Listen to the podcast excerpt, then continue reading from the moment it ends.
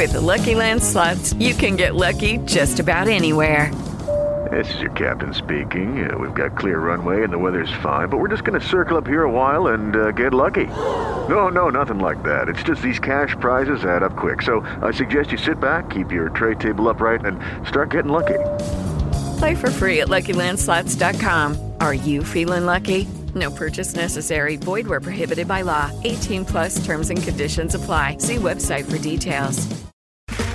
Okay, round two. Name something that's not boring. A laundry? Ooh, a book club. Computer solitaire, huh? Ah, oh, sorry, we were looking for Chumba Casino. That's right. ChumbaCasino.com has over 100 casino style games. Join today and play for free for your chance to redeem some serious prizes. ChumbaCasino.com. No purchase necessary. Full prohibited by law. 18 plus terms and conditions apply. See website for details.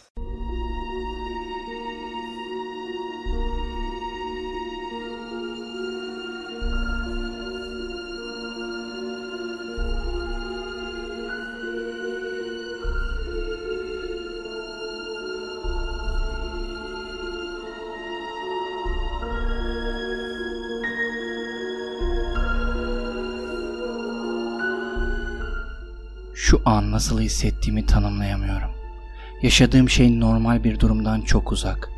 Sonunda delirdiğime dair kendimi neredeyse ikna ettim. Neredeyse. Karım güzel, eğlenceli, akıllı ve inatçı biriydi. Onun gibi yüksek sesle gülmeyi seven bir kadınla restoranda yemek yemek büyük bir başarıydı. Yoğun bakışları ellerimi titretirdi. Ama artık titreyecek bir yerim yok.'' Çünkü eşimi, kızımı doğurduğu sırada kaybettim. Ve Sam. Elbette kızım Sam'e kızabilirdim. Bir zamanlar bana ait olan bir şeyi çok uzaklara götürdüğü için. Gerçek ve saf bir aşktan beni mahrum bıraktığı için. Ama bunu yapamadım. Karım herhangi bir kırgınlık olmasını istemezdi. Tek çocuğunun nefretle mahvolmuş bir hayata sahip olmasını asla kaldıramazdı.'' Ama anlatacaklarım kederle veya birini sonsuza dek kaybetmenizle alakalı değil. Bahsedeceklerim biraz daha şeytani ve uğursuz. Kızım her zaman koşturan, çığlık atan, tırmanan, sıçrayan, kısacası hayli hareketli bir çocuktu. O sebeple 6. doğum gününde arkadaşlarıyla sinemaya gideceği için enerji doluydu. Kalabalıkta koşuştururken ona ancak yetişebiliyordum.'' Arkasını dönüp insanların arasından ''Hadi baba!'' diye huysuzca sesleniyordu bana. Ona yetişmeye çalıştım. Gerçekten.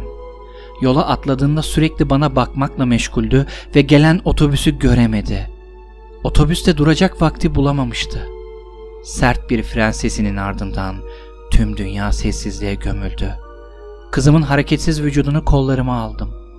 Ağlamak için çok hissiz, hareket etmek için çok incinmiştim.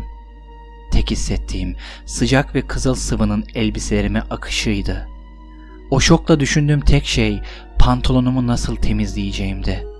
Biliyorum kulağa korkunç geliyor ama böyle büyük bir kaybın ardından mantıklı düşünmeniz inanın mümkün değil.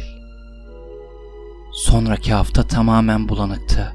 Ailem ve arkadaşlarımın baş sağlığı dilekleri dışında bir şey hatırlamıyorum. Cenazede tamamen siyah giyinmiştim. Sadece kıyafetlerimden bahsetmiyorum. Tüm benliğim kapkaraydı. Hiçbir şey hissetmiyor ya da düşünemiyordum. Etrafımdaki herkes Sam'den bahsediyordu. Sanki bilmiyormuşum gibi onun ne kadar mükemmel olduğunu anlatıp duruyorlardı. Sanki kızımın benim için bir ödül olduğunun farkında değilmişim gibi.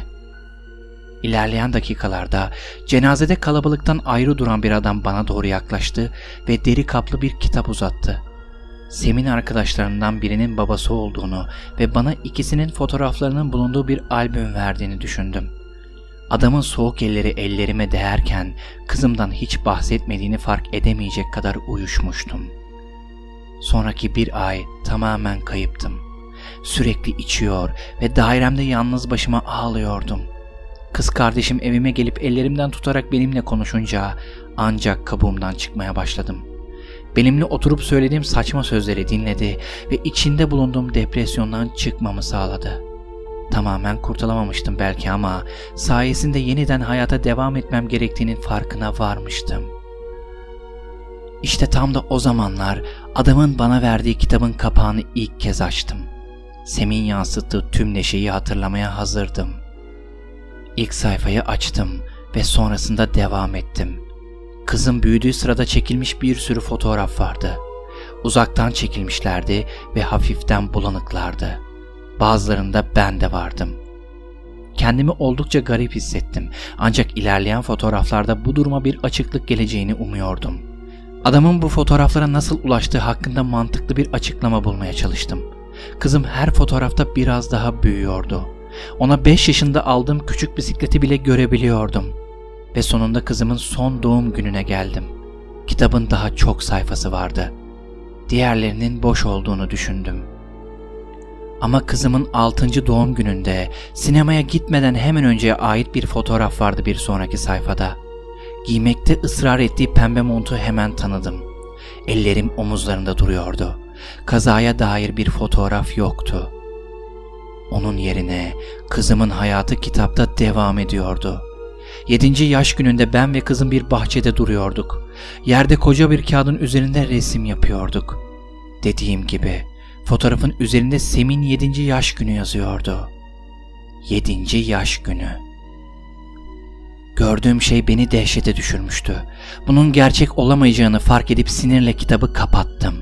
Oturdum ve mutfak masasındaki deri kapağa baktım. Bu sadistçe bir photoshoptu. Birinin benimle dalga geçtiğini umuyordum. Umuyordum diyorum çünkü başka bir açıklamayı kaldıracak durumda değildim. Dişlerimi sıktım. Aniden kaybedecek bir şeyim olmadığını düşündüm ve kitaba bakmaya devam ettim. Fotoğraflara bakarken neler hissettiğimi açıklayamam. Hiçbir şey sizi böyle bir duruma hazırlayamaz. Kitap boyunca kızımın hayatı devam etti. Dişleri çıktı, okulun ilk günü geldi. Sayfayı her çevirişimde bir şeyi fark ettim. Fotoğrafı çeken kişi her kimse, her seferinde kızıma biraz daha yaklaşıyordu.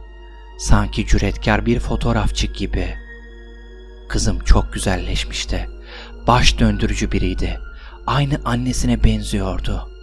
Ben de yaşlanıyordum ama fotoğraflar her seferinde beni daha az içermeye başladı. Sem'in 16. yaş günü ise biraz garipti. Fotoğrafta bir grup arkadaşı piknik yapıyor ve plastik bardaklarda içkiler içiyorlardı. Fakat arka tarafta biri vardı. Parkın çalıları arasında kara bir figür duruyordu.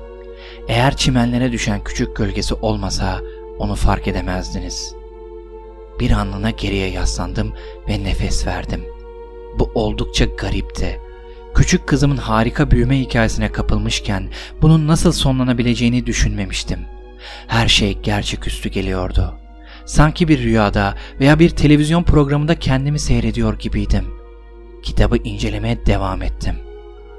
Kara figür her fotoğrafta daha da belirginleşiyordu.